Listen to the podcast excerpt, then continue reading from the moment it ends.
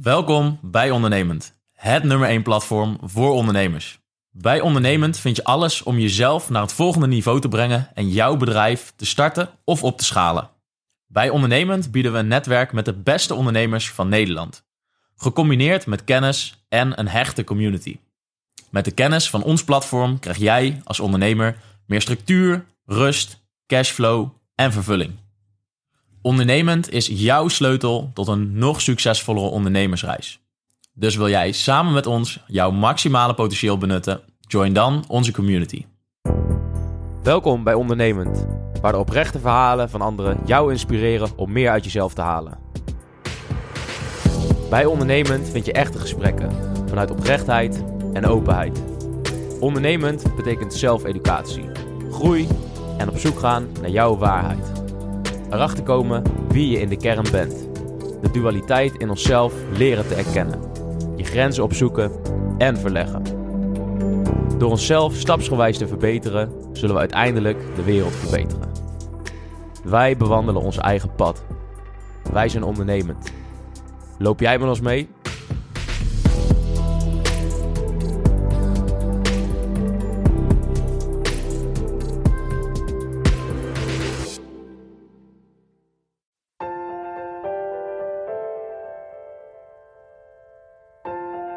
Welkom bij een nieuwe aflevering van Ondernemend, de podcast. Ik ben David Wunderink. Ik zit hier samen met Cheert Schoorn en Tom Berendsen voor een hele bijzondere aflevering. Vandaag hebben we een doorgewinterde ondernemer in de podcast. Hij is onder andere bekend van twee boeken, waaronder het boek Stop met verkopen, start met helpen. Daarnaast heeft hij onlangs het boek Cashflow gepubliceerd. Daarnaast is hij bekend van Mark Consultancy en is hij mede-eigenaar geweest van Tibor.nl. Momenteel stort hij zich op het helpen van ondernemers met het genereren van cashflow en het investeren van hun winsten voor meer cashflow op de lange termijn. We wensen je heel veel luisterplezier. Hier is de nieuwe aflevering met Mark Zoons. Dat is wel interessant. Ik vind het wel ook interessant hoe je zeg maar van... eh, ja, je hebt dus eh, het wijnhuis gehad, zeg maar. En daarvoor eh, docent geweest. Hoe je dan eigenlijk vanuit die dingen doorgroeit naar eigenlijk coaching en dan naar waar je nu staat. En dat je dus, ja, dat je, wat je zegt, je hebt dan nu een bedrijf waarmee je dus met coaching eh, relatief weinig kosten hebt en veel omzet. Ja. En hoe je dat, ja, hoe je eigenlijk op, tot zo'n punt komt, zeg maar. Vanuit gewoon een onderneming en dan Ja, zo Niet- door. niet zo, eh, zo heel ingewikkeld. Want eh, ik kreeg in het onderwijs altijd al de feedback dat ik geen echte docent was. Maar dat ik echt een coach was. En eh, ja, wij- hadden... Je hebt altijd zo'n klassenmentor. Eh, ik weet niet of je dat weet. Hè, zo, je hebt altijd een, een klassendocent die dan jou, jouw coach is of zo. Of jouw mentor. Ja, waar dan één keer in de zoveel tijd een gesprek Ja. mee hebt. Ja. Ja, en dat was eigenlijk mijn manier van lesgeven. Dus ik had dan 20 leerlingen. En als ik dan een les gaf, dan zette ik 19 leerlingen aan het werk. En dan ging ik, eh, zeg maar, 2,5 minuut per leerling ging ik bij ze zitten. En dan, ja, dan leer je heel snel. Dan leer je dus ook heel erg eh, snel oordelen in die zin, in, in positieve zin. Dus iemand vraagt iets en die zegt, oh, doe even dat. Ehm, of iemand kijkt naar je en dan weet je eigenlijk al wat, wat hij gaat vragen. Dan zeg ik, eh, je wil dit weten, hè? Ja. En dan, eh, dan geef je dat als antwoord. Dus dit is heel interessant hoe een docent, die staat echt voor de groep. En meestal staat hij ook nog boven de groep. En ik ging in de groep zitten. En dan ging ik altijd op dezelfde hoogte ging ik, eh, bij, bij een leerling zitten. En ik ben zelf natuurlijk niet groot. Dus had ik eigenlijk al zelfs een, zat ik eigenlijk onder de groep. Ehm, dat, is, ja, dat doet bijna niemand in het MBO. Ehm, maar dat is wel heel waardevol, want je kijkt dus continu mensen aan. Ehm, en dan krijg je dus ook na, na een maand krijg je al mensen die tegen je zeggen: eh, Ik heb nog nooit zoveel aandacht gehad in mijn leven. En dan heb je een maand lang eh, drie- twee keer in de week, tweeënhalve minuut aan iemand gegeven. Ja, ja. Maar gewoon omdat het heel persoonlijk is, voelt het ook gelijk als heel veel. Ja, en eh, ze leren ook veel beter dan. Want ze durven iets te vragen. En dat zijn altijd leerlingen normaal gesproken die een, een droom hebben of een doel. En die durven dat niet uit te spreken, omdat ze niet ja, een vinger opsteken of niet gezien worden door, door de docent. En de mentor eh, schappen, die slaan ze iedere keer over. Dan zijn ze of ziek of ze moeten naar het werk of wat dan ook. Dus eh, je kunt niet eh, ontsnappen als ik voor iedereen ga zitten. En dat was ook het doel. Ik deed dat altijd alleen maar het eerste kwartaal. En daarna dan kwamen ze zelf. En dan kon ik gewoon weer voor de klas gaan staan en een instructie geven. Maar het grappige is, die dynamiek die verandert compleet. Want je bent in één keer vertrouwenspersoon voor twintig man. Eh, dus ik heb, dat heel, ik heb dat heel snel geleerd op die manier. Als je dat elf jaar doet en ondertussen een wijnbedrijf hebt en daar heel veel sales moet eh, bedrijven, inkoop, verkoop, logistiek, automatisering. Ja. ja, dan heb ik het ondernemerschap had ik daar lekker geleerd. En aan de andere kant, uh, het, het coachende had ik uh, op school. Mm -hmm. Dus maar dat coachen, dat is eigenlijk iets wat er dus al wel in zat, denk ik. Tenminste, dat, uh, dat, dat je al mensen heel erg veel aandacht gaf. En dat is iets wat je meteen heel onderscheidend maakt, denk ik, als, als persoon en als mentor of leraar. Ja, ik ben nooit echt een, een leraar geweest in, in, in, de traditionele zin. Ik heb ook altijd een hekel gehad aan, aan docenten vroeger. Uh, docent ook aan mij, denk ik, want ik was heel bij de hand. En ik was iemand die geen huiswerk maakte. Dus ik maakte nooit huiswerk, maar ik was wel ondertussen iemand die heel bij de hand was uh, en alle antwoorden wist. En hun ook verbeterde. Dus als je een docent Nederlands hebt en die, gaat, die ga je op taalniveau verbeteren, uh, dat is niet zo prettig, zeg maar, als je docent bent. Dus ik werd regelmatig ook uit de les gezet. En dan uh, zei mijn mentor dan van, hé hey Mark, je weet het hè, doe, doe een beetje lief voor hem. en ja, dan voelde ik me weer iets groter en dan ging het twee weken goed. En daarna kon ik het toch weer niet laten. Ja. ja. ja. En, en is dat eigenlijk ook hoe je, hoe je ben je eigenlijk meteen begonnen als, als docent toen de tijd? Zeg maar in eerste instantie, is dat jouw eerste uh, baan geweest? Of wat is daar, is daar nog iets aan vooraf gegaan uh, voor die tijd eigenlijk? Nee, ik ben uh, middelbare hotelschool gaan doen toen ik, ik heb HAVO gedaan. En in, toen ik op de HAVO begon, toen zijn mijn ouders gescheiden. En toen vond ik school in één keer nog minder interessant dan ik het al vond. Uh, dus toen ben ik in HAVO 3 blijven zitten. Uh, heb ik zes jaar over de HAVO gedaan. En toen vond ik school eigenlijk al mooi geweest. En toen zei mijn moeder van ja, ga in ieder geval dan nog, uh, nog iets doen. Een ja. beroepsopleiding of zo. en toen ben ik naar de middelbare hotelschool gegaan in Tilburg. En daar hadden ze een, een, regeling dat je, als, als je HAVO had gedaan, kon je een tweede jaar instromen. En dan kon je tweeënhalf jaar kon je de af, opleiding afronden. In plaats van vier. En dat leek me wel wat. Want het was anderhalf jaar theorie en daarna een jaar werken. Dus de twee, tweeënhalf jaar stage. Nou, daar heb ik anderhalf jaar uh, alles er doorheen geramd. Ja. 40 uur per week uh, naast mijn school nog gewerkt. Want dat ging me echt zo makkelijk af. En toen heel snel naar Parijs. Heb ik eerst in een hotelstage gelopen, nachtreceptie, heel, helemaal tof. in Parijs? In Parijs, ja. ja. En waarom in Parijs? Omdat ik Frans had op school, op de HAVO. Ja. En ik had altijd zoiets van, ja, ik, ik wil die taal beter leren. En ik sprak al vloeiend Engels, dus ik dacht van, nou, laten we dan Frans doen. Uh, ik kom uit een Limburgse familie, dus mijn Duits was ook al gewoon prima. Uh, dus dat was eigenlijk de enige taal die een beetje in die directe omgeving was, waar ik van dacht van, nou, die wil ik ook uh, ja, leren. Ja. Dus talen zaten er sowieso al een beetje in. Talen zaten erin en ik had een economisch pakket. Dus ja economie is wel echt uh, uh, altijd een makkie geweest voor mij. Uh, economie en handelswetenschappen. Nou, dat was, tegen, tegenwoordig is het economie 2 volgens mij.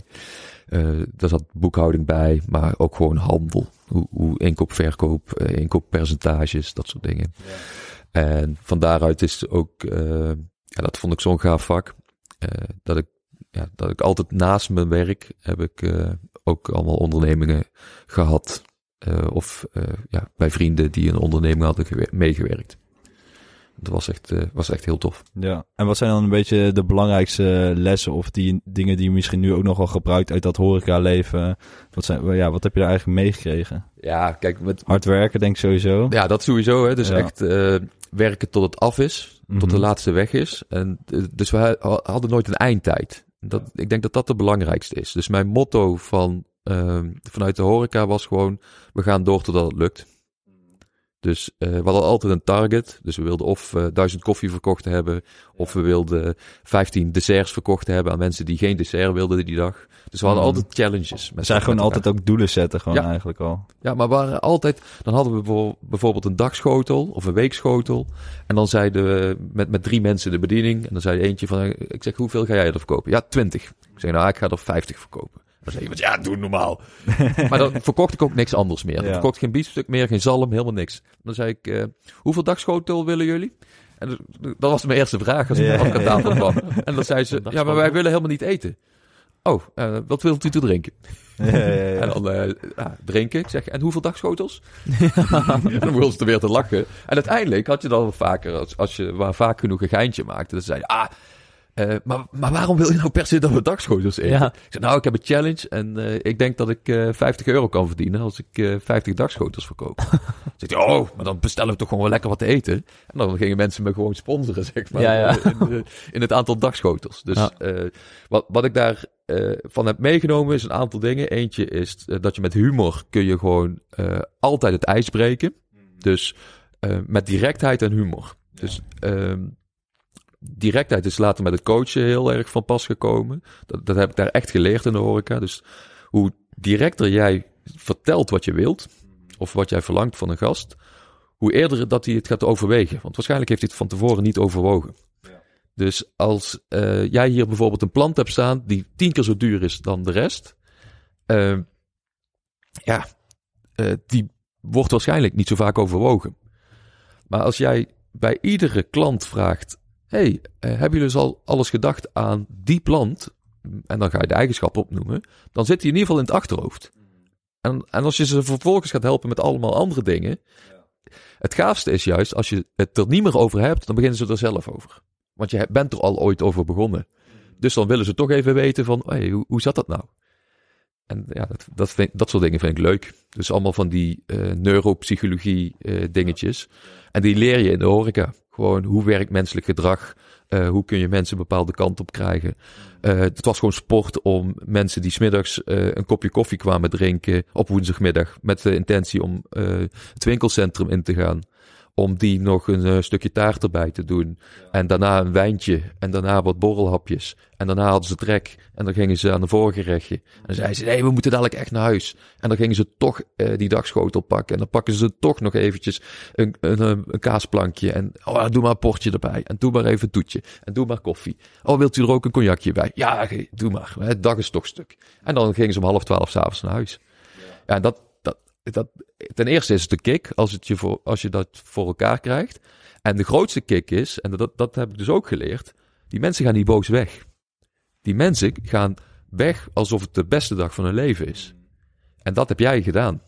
Door ze dingen te verkopen, door ze nog meer te En verkopen. die ze- directheid. ervaring, Ja. humor. Ze hebben een beleving gehad. Mm. En het, uiteindelijk draait dat hele ondernemerschap om beleving. Maakt niet uit of je nou producten verkoopt of diensten. En dat vond ik altijd wel, wel tof.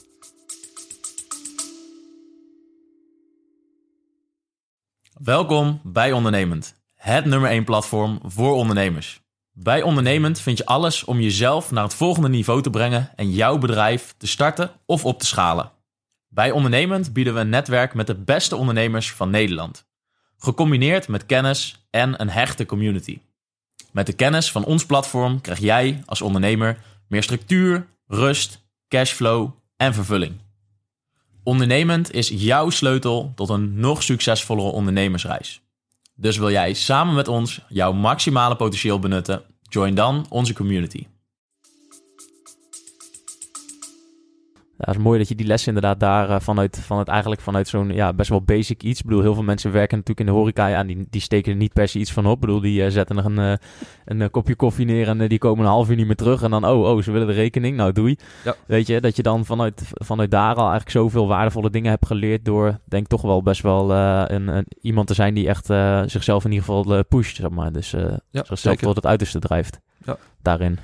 Ja, ik denk dat het ook aard van het beestje is. Plus, eh, ik kom met een horecafamilie. Mijn ouders hebben horecabedrijven gehad. En eh, die hebben mij dat ook echt wel meegegeven. Mm. Of die hebben mij letterlijk een restaurant ingeduwd, terwijl ik niet wilde. Ik was hondsverlegen toen ik eh 15 was. Ik durfde no- mensen niet eens aan te kijken. Dat zou je nu niet meer zeggen. Nee, nee. heb ik eh, ruimschoots ingehaald. Nee, maar dat, dat heb ik echt moeten trainen. Dus eh, ik vind het altijd grappig als eh, mensen praten over nature en nur- nurture. Dan denk ik van ja, nature is hartstikke fijn als je van nature talent hebt. Maar ik had totaal geen talent voor eh, sociaal zijn of uitgesproken zijn of extravert zijn. Ja, maar je, hoort het al. dat kun je echt Ja. wel leren hoor. Oefening baart kunst. En als je het, ja, ik ben nu 43, dus als je het 28 jaar hebt, eh, hebt geleerd, geoefend en je doet dat dagelijks, ja, dan wordt het echt wel beter in. En we hebben het dus gehad over, eh, over een stukje eh, ja, het leraar zijn. daarvoor de horeca. En tijdens het ja, docent zijn eigenlijk, zei je net al dat je al begonnen was met, met het wijnhuis. Ja, Kun je daar iets over vertellen? Dat was je eerste onderneming dan? Eigen onderneming? Ja, ja, dat Ja. was de eerste die, ik- die ik zelf, eh, die echt op mijn naam stond. Ja. Ik heb daarvoor wel in andere ondernemingen de ondernemingen gerund. En dat is ook iets wat ik later vaker heb gedaan. Maar eh, dat was meer omdat de eigenaren het of niet konden of niet wilden. Eh, maar in twee- 1997 ben ik in het bedrijf van mijn vader gaan werken. Toen was ik 18. Eh, en die had de wijnhandel. En mijn broertje en ik, die gingen wat later in die periode, gingen wij de wijn bezorgen. Ehm, dus we hadden busjes, bestelbusjes. En dan eh, gingen wij de wijn bezorgen bij oudere mensen die eh, niet die dozen wijn wilden dragen vanuit de slijterij. Of eh, mensen die nog wilden gaan winkelen. En die zeiden van kun je het vanavond thuis brengen. En wat bleek, eh, dat, dat was zo populair op een gegeven moment. Dat bijna iedereen aan mijn vader vroeg van... Hey, kunnen de jongens het even binnenzetten? Want wat gebeurde er? Wij kwamen daar aan met onze horeca-bravoure inmiddels al. Eh, en we kwamen die doosjes wijn binnenzetten. Maar dat niet alleen. We maakten even een praatje. Die mensen voelden zich heel prettig. We gaven advies over eh, de wijnen die ze hadden. Hoe ze de wijn moesten openmaken. En daarna gingen we. Dat was misschien wel vijf minuutjes. Alleen voor die mensen was dat weer die beleving. En die hadden iedere keer zoiets. Ja, stuur de jongen maar langs. Want ik heb weer wijn ca- cadeau gekregen van eh ome Piet. En ik wil even weten hoe lang ik die kan bewaren. Of eh, waar ik die bij moet eh, eten. of waar ik die bij moet drinken. Wat ik moet koken. Dus dat soort dingen. ja, die zorgden ervoor dat die omzet naar, ja, naar de bestelbusjes verschoof. En mijn vader uiteindelijk zei van... Jongens, weet je, weet je wat ik doe? Ik gooi die slijterij dicht. En we doen het wel online. Of ze kunnen ons bellen. En dan bezorgen we het gewoon. En toen was dus de bezorgservice eh, geboren. En in 2006, en dat lijkt een hele lange tijd, maar ja, die, die, die tijd die vliegt echt heel snel. Eh, In 2006 ben ik het onderwijs ingegaan. En volgens mij ben ik in 2005 toen voor mezelf begonnen met die wijnhandel. Eh, naast de horeca. En toen ik het onderwijs inging, ja, toen ging, ik- ging ik s'avonds niet meer werken en de weekenden waren vrij. En ik had Mhm. 12 weken vakantie per jaar. Dus had ik heel veel tijd om Ja. nog meer eh, met die wijnhandel Ja, te als je doen. van horeca naar onderwijs gaat, dan is het inderdaad wel... eh, Voor mij voelde dat als vakantie. Ja, ja, ja. Dus ik, dacht, Kan me ik, ik had zeeën van tijd in één Ja. keer. Dus ik dacht van, oh, ik ga daar nog een bedrijfje bij doen. Want ja, 12 weken vakantie als vrijgezelle jongen van eh 6, 27. mm. Ja, daar zat ik helemaal niet op te wachten. Zes Nee. weken was meer dan genoeg. En dan die andere ze- zes, zeven weken.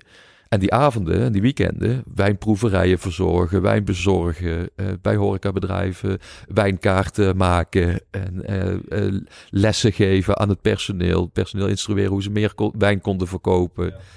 Ja. dat was gewoon een cowboytijd. Dat was hartstikke leuk. Super veel van geleerd. Want ja, wijnhandel is gewoon hard werken en heel veel concurrentie en je verdient geen knoop in eerste instantie.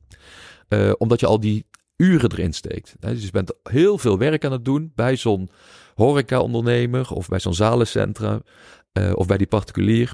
En die willen dan gezellig met hun vrienden op vrijdagavond de wijnproeverij doen. Nou, die gaan allemaal niks kopen van je. En, en degene die de wijnproeverij organiseert, die zegt... ja, dat, ik wil even korting, want die mensen gaan hartstikke veel kopen. Dat zeggen ze altijd. Snap je? Dan heb je na drie keer afgeleerd. En dan zeg je, oké, voor een tientje per persoon of twee tientjes per persoon... doe ik een wijnproeverij. Wat nog steeds niks is. Maar wat ik, wat ik dan deed, is dan schonk ik die wijnen uit. En dan zei ik tegen ieder persoon, zei ik... hey, al die wijnen die je nou hebt geproefd... daar heb ik ook recepten voor. En dan zei ik, is het een idee dat ik dat receptenboek eventjes eh, langs kon brengen van de week. En dan zeg ik, en dan doe ik er meteen eventjes een paar flesjes wijn bij. Kost niet veel, zeg ik, is gewoon een starterpakket, 25 euro. Dan heb je zes flessen wijn en een receptenboek. En wat deed ik daar? Ik had erover nagedacht, ik moet weer waarde omhoog gooien, ik moet beleving creëren. En zo kwam ik dus bij meer mensen thuis en gingen ze wel kopen. Dus ik was iedere keer strategisch aan het denken van hoe kunnen we nou iets wat niks oplevert, toch iets laten opleveren. Ehm, en zo heb ik die hele wijnbusiness op een gegeven moment uitgekleed totdat ik merkte van nou, eh, de winst zit, eh, 80-20 analyse. 80% van mijn tijd was ik bij die particulieren bezig, 20% van, eh, van de tijd bij, eh, bij de bedrijven, leverde 80% van de winst op. Ik denk, oh, particulieren eruit, alleen nog maar eh, zakelijk. En dan vijf keer zoveel. Nou, dan ging je omzet dus ook keer vijf. En je winst ook. En je winst ging eigenlijk keer zes, zeven. Omdat je dus minder tijd erin stak. Maar je had gewoon betere efficiëntie, grotere bestellingen.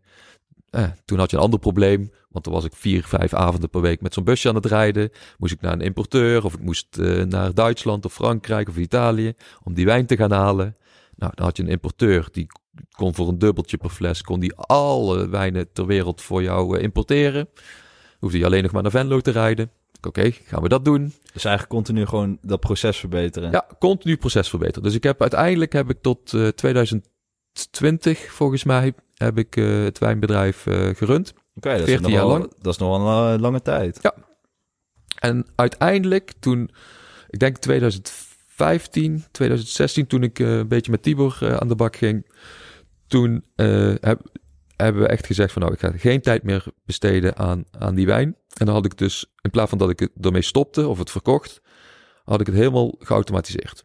Dus ik had, het proces was gewoon, ze mogen alleen maar sms'en voor een bestelling, niet bellen, geen e-mails, alleen maar een sms. En ik had gewoon eh, gewoon dan aan het einde van de week had ik een lijst met allemaal sms'jes waar alleen maar bestellingen op stonden. Want ja, wie sms nou?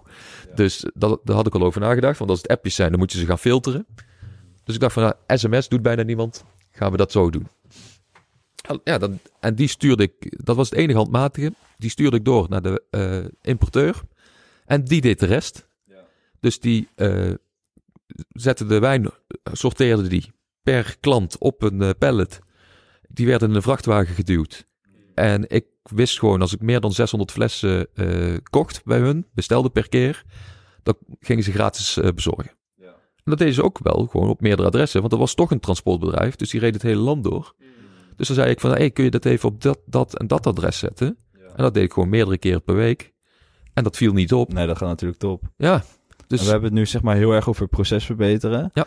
En wat zijn bijvoorbeeld echt boeken of misschien mentoren die jou echt hierbij hebben geholpen om dit zover te krijgen? Want nu luister je naar en het klinkt allemaal, oh ja, dat is heel logisch, doe ik het zo en dan doe ik het zo.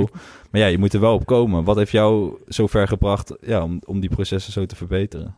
ja, heel veel lezen ook. En eh, als jij nou zegt, eh, zijn er boeken geweest? Ja, heel veel boeken. Ehm, ik, ik heb echt eh, vanaf 2006 ben ik weer begonnen met lezen. Eh, ik heb eerst de HAVO gedaan, dan moest je lezen. En dan eh, las je de samenvattingen, de Dan leer je het eigenlijk af, het lezen. Ja. Dan denk je van, nou, laat maar je de zitten. uitreksels en dan haatte je boeken. Eh, en toen ben ik, eh, volgens mij in 2007 ben ik naar Australië, ja, Australië gegaan. Drie, drie maanden gaan backpacken. Ik kreeg wat extra vakantie in het onderwijs. En eh, toen heb ik op de airport had ik eh, de 4-hour workweek gekocht. Ja, ja, Ehm, Het gaat natuurlijk wel echt heel erg over proces verbeteren. ja, Ja, dat is eigenlijk precies, precies jouw proces, tenminste qua... Ja, Ja, die ben ik toen echt op gaan vreten. Ja. Dat, Ja. dat, dat vond ik he- dat, dat boek heeft me plezier voor lezen teruggebracht.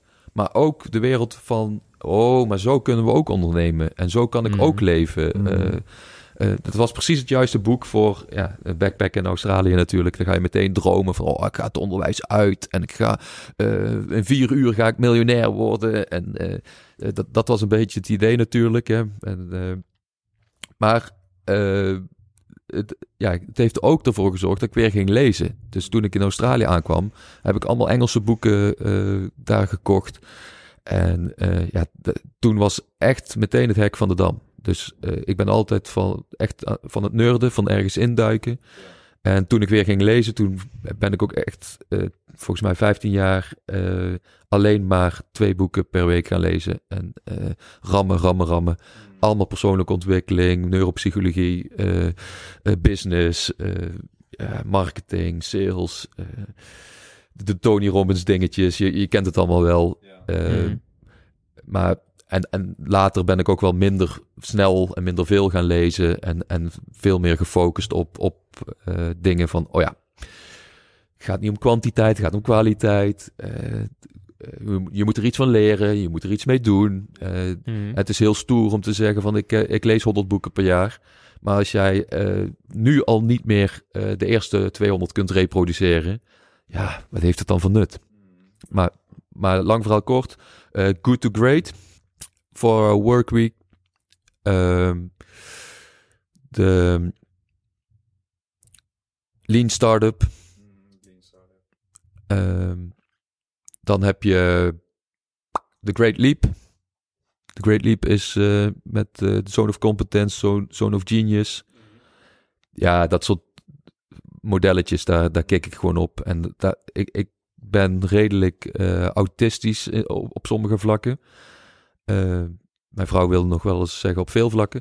Maar eh, ja, ik, ik neem dat tot, tot me en dan ga ik het leven. Ja, dan ga je het gewoon uitvoeren. Ja, meedogenloos, Mm. maar ik ga het ook echt leven. ja. En, en ook, ik ga het voorleven en ik ga het uitbeelden. Mm. En als er, eh, als er iemand in de maar als business je dan zit... bijvoorbeeld in één keer zo ja, abrupt het misschien gaat uitvoeren, loop je vast ook tegen dingen aan dat je denkt van ja, dat, eh, ik, ik verander het nu wel in één keer helemaal zo, maar misschien is dat toch ook weer net weer te veel geweest. Ja, omdat zwart, eh, zwart-wit denken is sowieso ondernemer eigen, denk ik. Hè? Dus eh, gaan of aan of uitstaan. En, of heel veel werken of een burn-out en, en, en naar de klote zijn. Ehm, ja, het is bij mij jarenlang niet anders geweest. Eh, dus ik vloog continu gierend uit de bocht. Dus dan Mhm. had ik eh, voor workweek. eh, ik werkte toen nog in het onderwijs. Toen kwam ik terug uit Australië. Ik denk, oh, dit ga ik op school ook toepassen. Snap je? Ik ga nog maar één keer per week ga ik mijn e-mail eh, ke- checken. Nou, als je in het onderwijs werkt als docent, dat ding staat altijd open. En binnen een minuut moet je ongeveer gereageerd hebben. En jouw collega die in dat klaslokaal les aan het geven is, die stuurt jou een e-mail. Die komt niet eventjes kloppen. Dus Mhm. en ik ging terug van echt massaal, in, in, volgens mij in twee weken, ging ik terug van duizend keer per dag ongeveer naar ik check hem alleen nog maar op woensdag. Ja. Nou, word je niet in dank afgenomen, kan ik je vertellen. Dus eh, toen ben ik dat toch een beetje gaan, eh, gaan doseren. En toen zei ik van, eh, jongens, dinsdag en vrijdag check ik mijn mail, sowieso. En ja, als het belangrijk is, loop even binnen of bel eventjes. Ehm, vervolgens ben ik dat gaan uitbesteden aan iemand die... Ik, heb het nou al eens in een eerdere podcast eh, eh, verteld. En eh, bij, bij Martijn van den Berg. En ik moest er zo om lachen, want ik kreeg ook appjes van oud-collega's. Fuck, dat wist ik niet. Wat? Ik, nou snap ik waarom je zo relaxed was altijd. Ja. Eh, maar ik heb dus best veel uitbesteed eh, in die tijd. Gewoon vanwege die 4-hour workweek. Dus ik heb echt Hmm. andere mensen toetsen laten nakijken. En die, ja, die kregen 5 euro per uur. Eh, want het waren Maar multiple gewoon- choice vragen. Gewoon uit, eh, ja. uit buitenland of zo. Ja, studenten. En eh, ik had een jongen die backpacker was. En die reisde altijd rond. Eh, gewoon een Nederlands sprekende jongen. Eh, uit Den Haag. En eh, ja, die heeft van alles voor me gedaan. Die heeft podcast geëdit. En, maar die, ja, die heeft ook wel eens gewoon eh, toetsen nagekeken. Of mijn e-mails. En dat gaf ik gewoon inlog en wachtwoord van de school-e-mail. En dan beantwoordde hij ze. En dan kon ik lekker andere dingen gaan doen. Kon ik eh, wijntje, wijnbestellingen gaan doorsturen. Wijnbestelling, ja. ja, ja. Ja, dat was echt heel, heel grappig.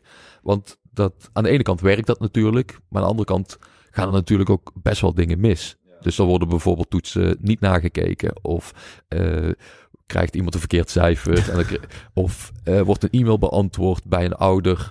eh, ja, op een manier die ik nooit zou doen. Nee. Dus dan is er iemand boos en dan komt hij met op hoge poten naar school in mijn lokaal binnengewandeld. En dan weet ik niet waar het over gaat natuurlijk. Moet je Dus, even de e-mail openen, even kijken. Ik, oh, Heb ik een e-mail van jou gehad? Hè, dat was, was ik net Rutte, zeg maar. Hè? Ja. Ik heb geen actieve Ik herinnering ken jou aan. helemaal niet. Z- Zullen we even samen kijken wat ik heb gestuurd? ja, nee, die brief heb ik nooit verstuurd. Nee. En dan keek ik en dan zei ik, oh ja, ja, dat heb ik inderdaad niet goed geformuleerd. Nee. Ja, kon, kon je wel oplossen, maar het, het, het werd- wel, het werd ja. een beetje onhandig, zeg maar. Ja. Dus eh, ja, eh, regelmatig de bocht uitgevlogen. Ook, ook in het bedrijf dat, eh, dat ik dingen wilde automatiseren. En eh, met bestellingen. En dan kwam de bestelling gewoon niet door bij mij. Dus had ik drie weken lang, dacht ik dat ik geen bestellingen kreeg. En dan ging ik bellen en zei hij, ja, ik heb die al eh, twee weken geleden verstuurd. Ik dacht al, wat, wat is er aan de hand? Zeg, ja, dus dat soort dingen. Of eh, dat iemand eh, wijn bezorgt bij een, een hele goede klant van me die alleen maar dure wijnen bestelde. Eh, en die lieten we dan bezorgen op zijn bedrijf, want dan kon hij zakelijk aftrekken. Ehm, en dat, het, dat ik het dus bij de importeur niet meteen kon krijgen, want het was uitverkocht. Maar ik wist dan nog wel een wijn, wijn eh, eh, slijterij waar, die dat wel had. En dus ik belde die dan op en dan besteedde ik dat uit. Maar ja, die had dan stickers van zijn eigen Ja, bedrijf ja. erop geplakt. Ja, dat Klant soort kwijt, dingen. natuurlijk. Ja, dus dat eh, was een van mijn beste klanten en die was toen kwijt.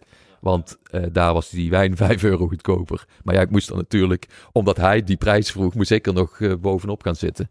Want je moet van de Belastingdienst winst maken. Het was niet omdat ik hem wilde belazeren, maar dat is gewoon, ja, die, je moet marge hebben. Want anders ben je geen winstgevend bedrijf. Dus eh, dat soort dingetjes, ja, die is geweldig eh, als je er nu op terugkijkt. Maar als je er middenin zit, dan heb je er echt wel stress van. Ja. En, en als ik dit zo hoor, maar je hebt heel veel dingen vanuit eh, boeken toegepast en continu verbeteren. En ook best wel, eh, je bent heel erg gedreven. Ben je ook heel hard voor jezelf? Ik ben tegenwoordig een stuk milder voor mezelf. En met tegenwoordig bedoel ik de laatste acht maanden. ik ben Afgelopen week Nee, zoiets. gaat het een stuk beter. Nee, nee zo, ja, zo lijkt het wel. Nee, maar ja, ik, ik ben daar altijd heel, eh, heel eerlijk in. Want ik ben o- ongelooflijk hard naar mezelf eh, altijd geweest. En eh, eh, ik moet echt zeggen dat het, dat het eh, een continue worsteling voor mij is geweest. Om daar milder in te worden. Eh, maar ik vind het, dat ik het aan mezelf en mijn omgeving verplicht ben om milder te zijn. Oh, mede omdat ik eh, papa ben van eh, twee prachtige zoons, 7 en 10 jaar. En ehm, ja, die wil ik niet verpesten met eh, dat soort hardheid. Want die, ja, ik weet niet of je dat weet, maar kin- kinderen doen niet wat, ik, wat, wat je zegt, maar wat je doet. Hè? Mm, dus je doet gewoon eh, na wat je doet, ja. ze, ja, ze, ze kopiëren gewoon, zijn gewoon één grote kopie, eh, kopieermachines.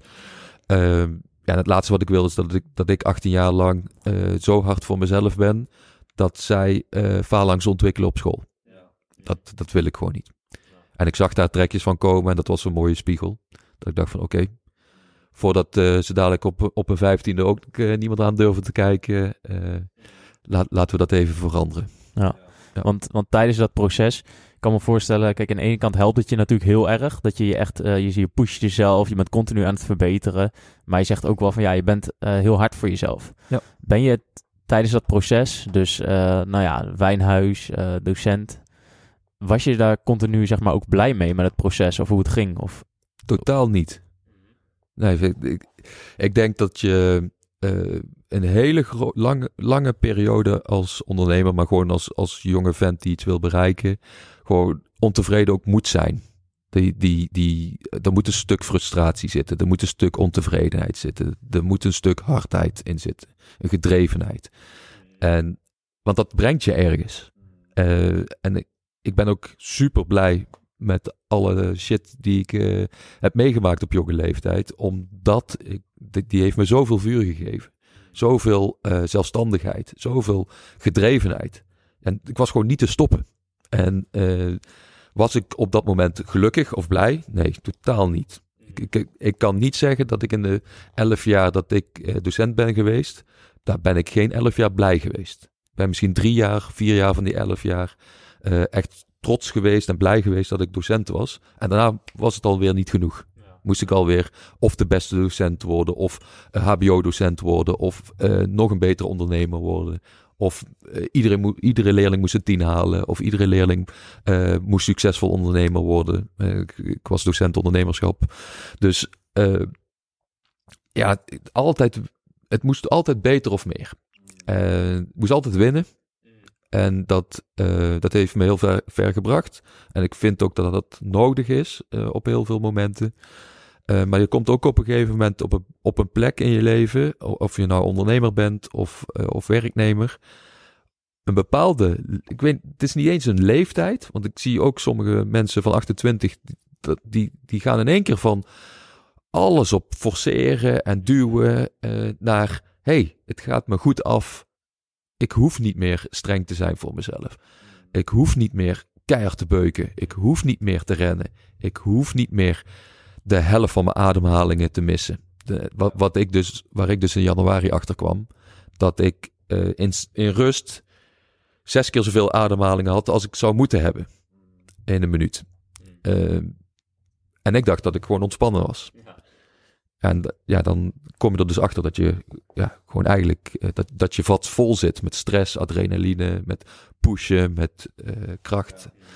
Eh, en dat heeft me heel veel eh, opgeleverd dat dat nu niet is. En ik ervaar dit jaar dus ook dat, omdat ik nou Mr. Cashflow ben gestart, dat, ik, dat je dus met souplesse, met ontspanning, met gewoon energie, blijdschap en op tijd stoppen en 20 uur max per week werken, eh, dat het ook kan. Maar exact hetzelfde. Het is zo.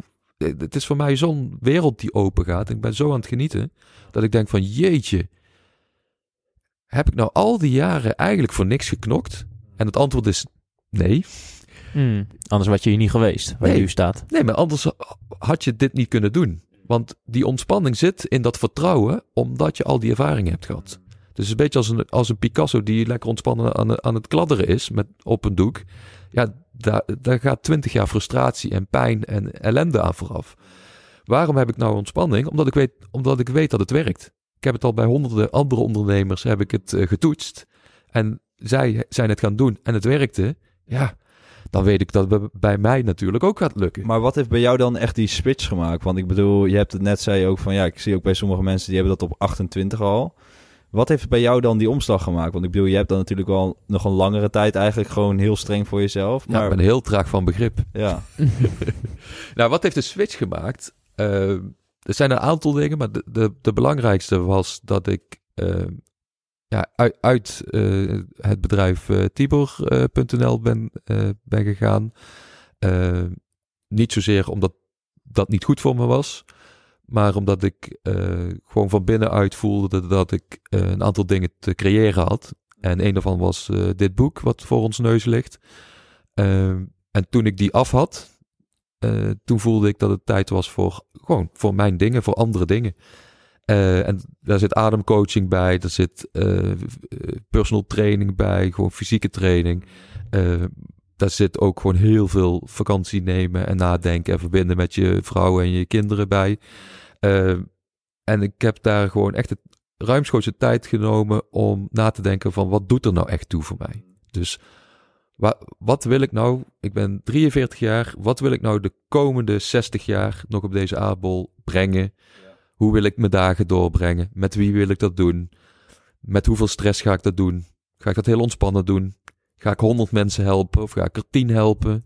Eh, dat soort keuzes heb ik allemaal gemaakt. En dat was echt een omslagpunt. ja, dus eigenlijk nadat je een moment hebt gehad waar je heel hard vijf jaar lang met Tibor.nl heel hard hebt gewerkt. Ja. En daarna kom je op een stukje creatie eigenlijk, eigen creatie. Wat misschien ook alweer ruimte geeft inderdaad om, om eens na te gaan denken van ja, wat wil ik nou eigenlijk? En dat Ja. heeft eigenlijk dus in gang gezet dat jij eigenlijk nu vanuit meer rust naar jezelf kan kijken en wat, ja, wat, wat wil ik nu eigenlijk bereiken? Ja, dat klopt. En dat wil niet zeggen dat de afgelopen vijf jaar niet tof waren. Hè? Nee, Dus, eh, zeker want het niet. was, Zeker ik heb denk ik één, ja, dit is de meest geweldige tijd geweest die ik eh, heb gehad in mijn leven de afgelopen vijf jaar. We hebben zoveel toffe dingen gedaan. We hebben zoveel ondernemers mooi kunnen helpen. Er is een groei geweest in het bedrijf en in onszelf, die gigantisch is. Groei van ons netwerk, groei van ons als ondernemers, als mens. Eh, ja, we zijn vriendschappen gekomen. We, hebben we zijn naar Thailand geweest met het team. Eh, ja, het, waanzin. Zo gaaf. We hebben echt het goede leven eh, gecreëerd. Alleen, eh, dit is gewoon weer next level. Dus je gaat gewoon weer eh, een niveautje verder. Weer meer je eigen pad bewandelen. Weer meer rust creëren in je systeem. Eh, ja, ik weet nou ook heel goed wanneer het genoeg is voor me. Wanneer is de dag voorbij? Eh, wanneer is het genoeg vakantie geweest? Wanneer heb je genoeg gedaan ook op Ja. een dag? Ja. ja, maar ook wanneer heb ik genoeg vrije tijd gehad? Eh, en ik denk dat, ja, dat dat ook vaak voor mensen nog een zoektocht is. Hè? Dus als mensen eh, hun bedrijf verkopen of eh, hun bedrijf achter zich kunnen laten omdat het goed geregeld is, management-wise, of ze zijn financieel vrij, toch is dat dan weer een rare modus. Dan gaan mensen de wereld rondreizen. En voor de meeste mensen, ik, ik merk het steeds vaker, voor de meeste mensen is dat helemaal niet wat zij willen. Zij denken dat ze het willen, dus ze gaan die wereld rondreizen. En ze klinkt natuurlijk heel mooi. ja, en ze komen na vier maanden komen ze gewoon terug en leeg. Ja. Niet vervuld. Nee, ze komen leeg terug omdat ze dachten dat dat het was. En ze zeggen van ja, ik mis thuis. Ik, wil, ik, wil, ik mis gewoon een vast bed. eh, mijn, mijn eigen eh, vrienden, eh, mijn omgeving. En dat is zo raar voor, voor sommige mensen om te ervaren.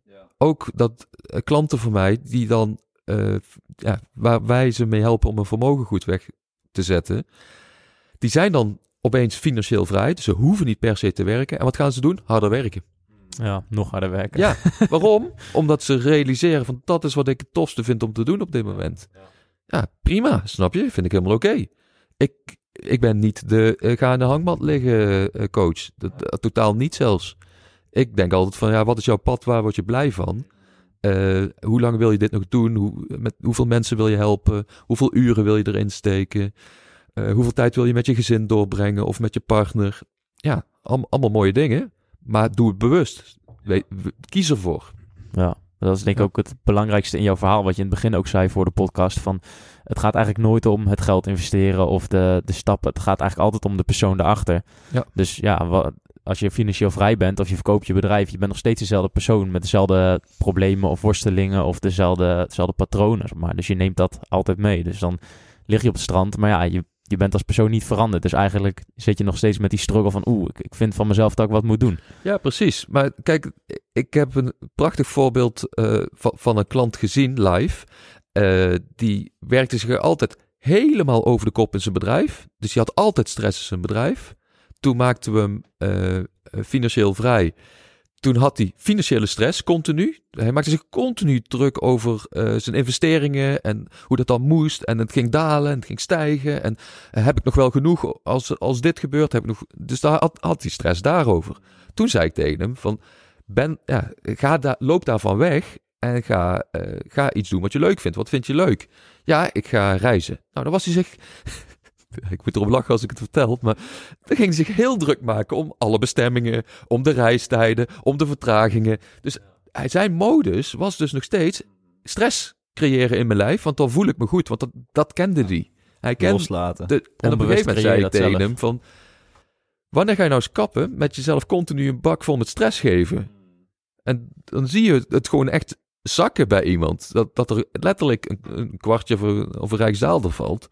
Of een kilo goud, voor- bij- in zijn geval. Van pof. Shit, ja, ik doe het overal.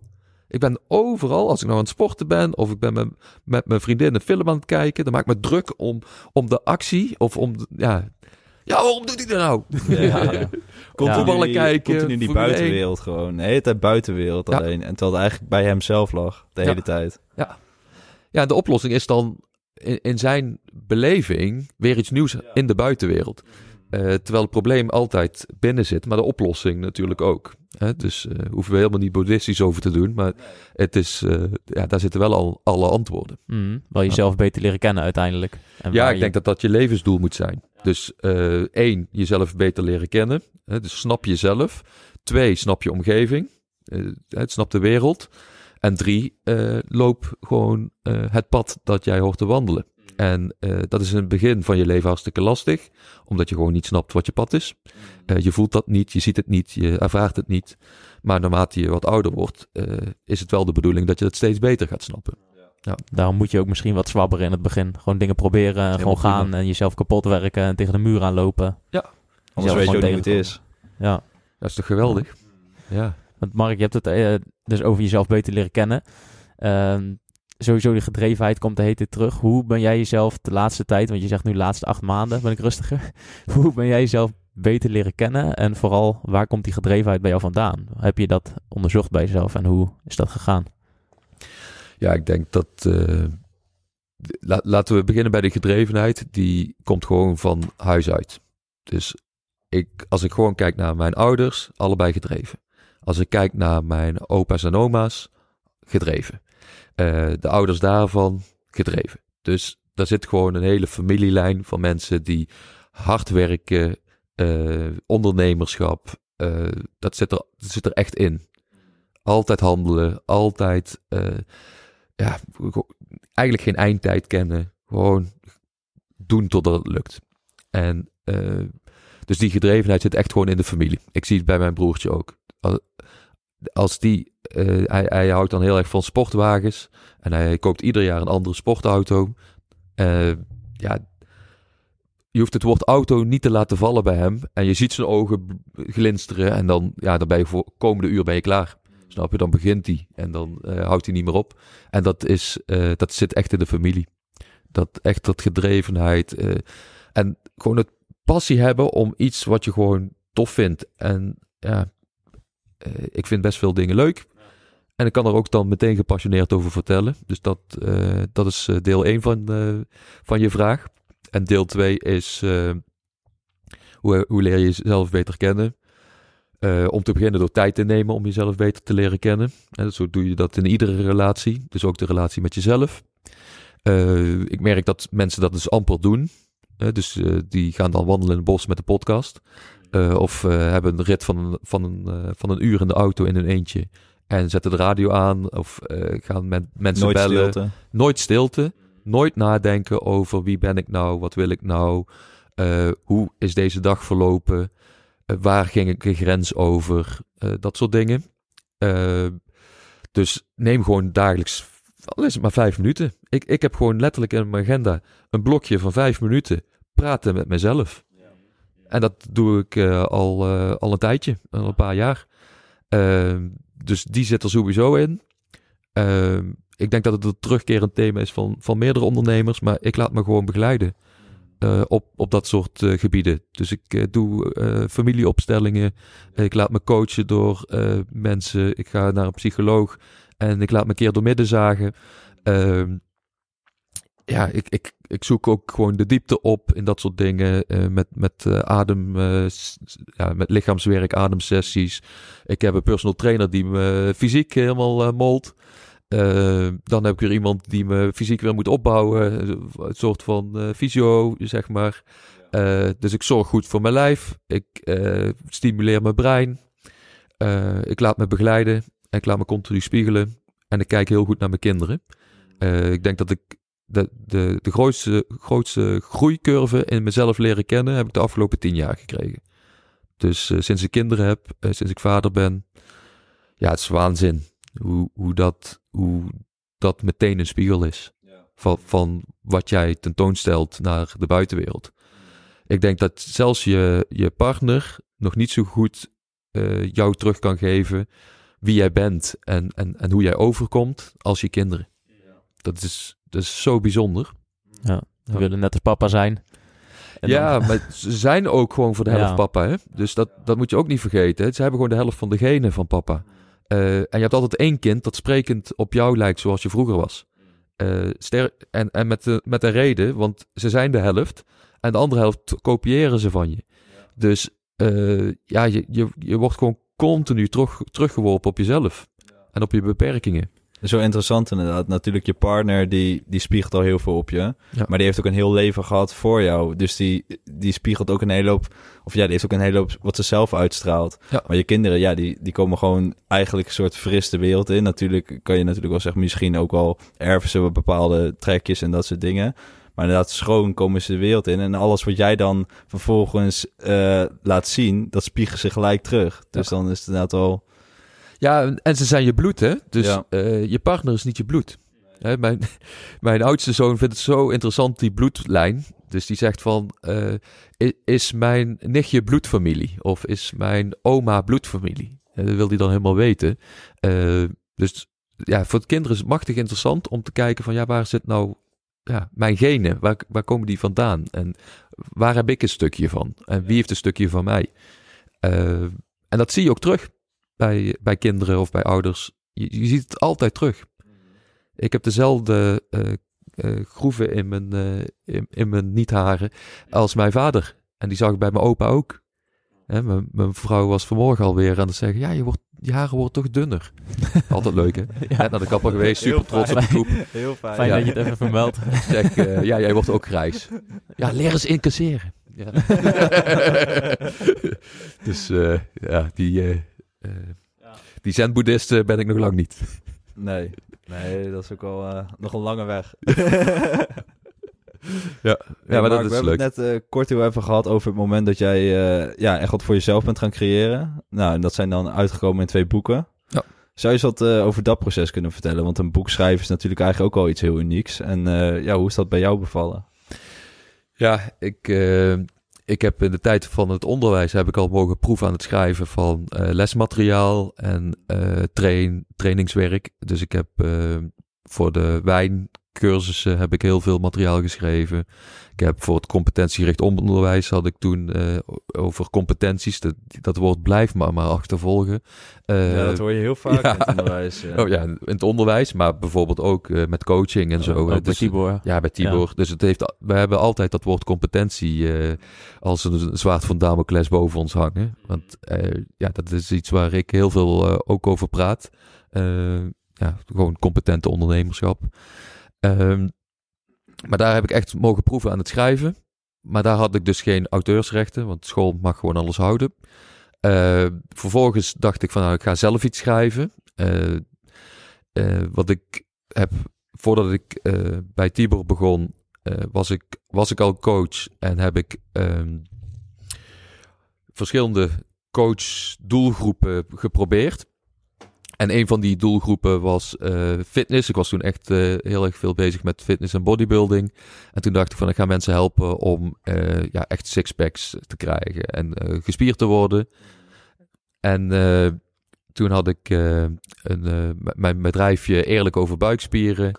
En toen was mijn eerste... Mooie naam ook. Ja, mijn boek heette toen de Sixpack Bijbel, volgens mij. Of de, buik, de Buikspierbijbel.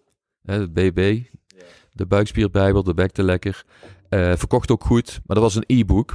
En die heb ik eigenlijk nooit fysiek eh, laten drukken. Maar dat was eigenlijk mijn eerste boek.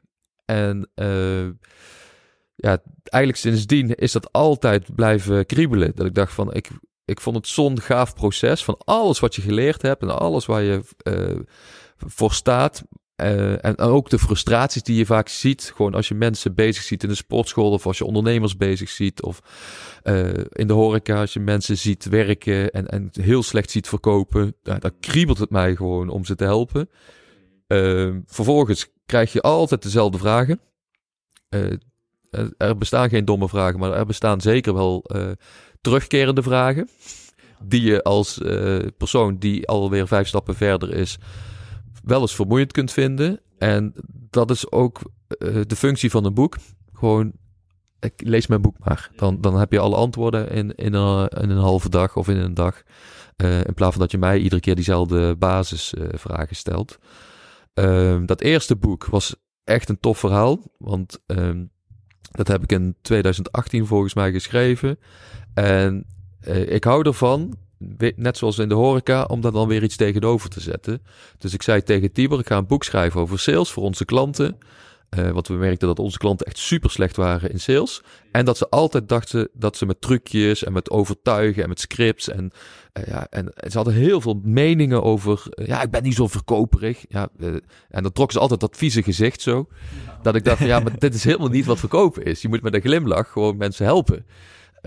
Dus toen zei Tibor van ja, daar moet je gewoon een boek over schrijven. Want jij kunt dat altijd zo mooi eh, vertellen. Eh, volgens mij kunnen we daar wel gewoon eh, iets mee doen. En toen hebben wij een hotel geboekt in Madrid voor vier dagen. En toen had ik helemaal een protocol hadden we gemaakt van acht uur, ja, in totaal acht uur schrijven. Vier dagen lang. En dan ging het als volgt. Ik ging vijf, 50 minuten schrijven, timertje erbij. Geen internet, geen afleiding, op mijn hotelkamer. Er was geen, er was niks. Eh 50 minuten schrijven, 10 minuten ademhaling, meditatie, een beetje eh, mobility, loskomen, eh, wat push-ups. En dan eh, ging er weer een belletje. En dan ging ik weer 50 minuten schrijven. Weer 10 minuten losgaan. En dat deden we vier, deed ik vier blokjes. En Tibor zat in een andere hotelkamer. Die was gewoon content aan het creëren voor, eh, voor het bedrijf. En na twee uur, nou, dan kwam ik naar beneden, naar de lobby. En dan li- liet ik zien wat ik had geschreven. En na vier uur gingen we lunchen. En na zes uur kwam ik weer naar de lobby. En dan hadden we siesta gehad. En dan weer twee uur schrijven.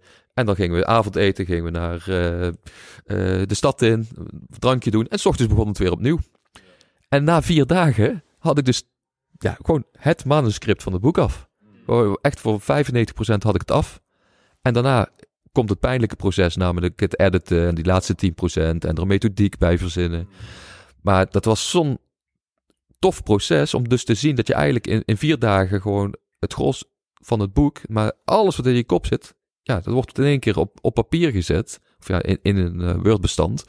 Ehm, ja, dat is zo bijzonder. Ik, ik vind het zo tof ook dat, dat ik nou bij vreemden kom en dan zit er in één keer een, eh, ja, ligt, ligt mijn boek daar. Dan denk ik, oh, heb jij hem ook gekocht? Wat tof. Eh, ik kreeg vandaag van, ehm, van iemand via social media. Ik ben bij Managementboek. En die liet dat eh, op camera zien. Van kijk, jouw boek is er ook. Gewoon op de, in de schappen van Managementboek. Ja, dat is hartstikke tof. Dus eh, ja, dat is... Heel gaaf. ja. Ik vind het wel, wel mooi eh, ja, hoe jullie dat, dat proces ook hebben gedaan, zeg maar. Dat is wel grappig, een beetje ook voor wat er, eh, wat natuurlijk een beetje Tibor-stijl is, zeg maar. Gewoon compleet afgekaderd, gewoon echt zo Ja. militaristisch van, eh, je gaat zoveel uur dit, bam, bam, bam, bam, bam, Ja, en dan ja. vier dagen en klaar. Ja, en het is tof, want het werkt. Ja, Eh, kijk, het hoeft niet voor iedereen te werken. En ik heb het tweede boek ook niet zo geschreven. Eh, ik heb daar ietsje langer over gedaan. Omdat dit met interviews is. Dus dat kun je niet in vier dagen... Ja, je kunt wel de interviews eh, in vier dagen opnemen. Maar dan moeten ze nog uitgeschreven worden. En dat heb ik dan weer à la 4-hour workweek natuurlijk iemand anders laten uitschrijven. En vervolgens heb ik er mijn eigen taal in gezet. Want ik vind taal wel belangrijk en, en, en het feeling en het geluid. Eh, want ik heb natuurlijk wel de gesprekken ook gevoerd. Dus dan kan ik ook wel beter de woordkeuze bepalen. Eh, maar dat is een iets langer proces, want ja, je hebt natuurlijk zeven mensen geïnterviewd. Die mensen vinden natuurlijk ook wat van hun eigen interview. Dan moet het weer aangepast worden. Dus daarbij, dat is een heel ander proces. Ook een heel leuk proces. Eh, maar, en, en een leerzaam proces, want je hebt eigenlijk acht auteurs dan in plaats van één. En dat is, eh, dat, ja, dan moet je gewoon meer, je, je moet je deadlines gewoon wat ruimer houden dan. Het is helemaal niet vervelend en het is ook niet dat ik het nooit meer zou doen. Maar eh, je moet er wel gewoon wat minder streng zijn. Nou, dat was toch het thema dit jaar, dus dat kwam er goed uit. Eh, maar ja, ieder boek heeft weer zijn ander proces, weer zijn andere leerschool. Ik heb hier bijvoorbeeld heel veel geleerd van over marketing en koppelingen achter de schermen maken. En afspraken maken met boekhandels. En eh, ja, dat was ook weer een tof proces. Ja, dus ik, ik weet niet of ik die vraag goed heb beantwoord, maar eh, Ja, zeker, zeker. Nou, er is geen goede fout, hoor. Nee. ik zit toch nog een beetje in het klasje, hoor je het? Ja, ja, ja, precies. ja. ja. Ja, dat is wel heel, eh, sowieso een hele interessante, dat, eh, dat boek eigenlijk, wat natuurlijk ook veel terugkomt, ook bij Tibor, zeg maar, van hoe eh, promoot je, zeg maar, je, je product, of hoe, ja, hoe gaat dat, dat proces? En dat vond ik ook wel interessant, ook van tevoren had opgeschreven, van, ja, hoe stop je nou met verkopen, weet je wel? Want je hebt heel vaak, ja, je, je start dan iets, je zoekt een product, je wil dat verkopen, en soms dan gaat het stroef, dan wil het niet helemaal. Ja, ligt dat aan het product, ligt dat aan je, hoe je het aanbiedt, ligt dat aan jezelf als ondernemer? Hoe gaat dat proces, zeg maar, hoe, ja, hoe stop je met verkopen volgens jou? Ja, door eh, om te beginnen eh, te bepalen wat je wilt gaan verkopen. Dus één ding goed kiezen. En daar echt eh 100 dagen, drie maanden volle bak voor gaan. Dus echt volledig vastgrijpen, volledig voor gaan aan, aan iedereen die het maar mogelijkerwijs zou willen of moeten kopen. eh, daar bied je het aan. En na 100 dagen weet je je antwoord. Want als het dan niet heeft gewerkt, kun je nog denken: ja, ik ga het nog een keer een kwartaal proberen. Ja, ik, ik zeg meestal niet doen. En dat zie ik bij, bij onze klanten eigenlijk altijd. Dus als zij 100 dagen all in gaan en ze hebben nul sales, nou dat maak ik sowieso zelden mee. Maar dan hebben ze bijvoorbeeld één of twee sales. En de feedback die je van die twee mensen krijgt, die bepaalt of jij verder gaat of niet. Gegarandeerd. Want die twee mensen zeggen: ja, weet je, ik heb het gekocht, maar eh, ik ben eigenlijk niet je doelgroep. Of ik heb het gekocht, want uiteindelijk heb ik dat en dat erbij gekregen. Eh, en dan kun je met die feedback kun je of het product beter maken, of gaan voor een andere doelgroep, of gaan voor een ander product.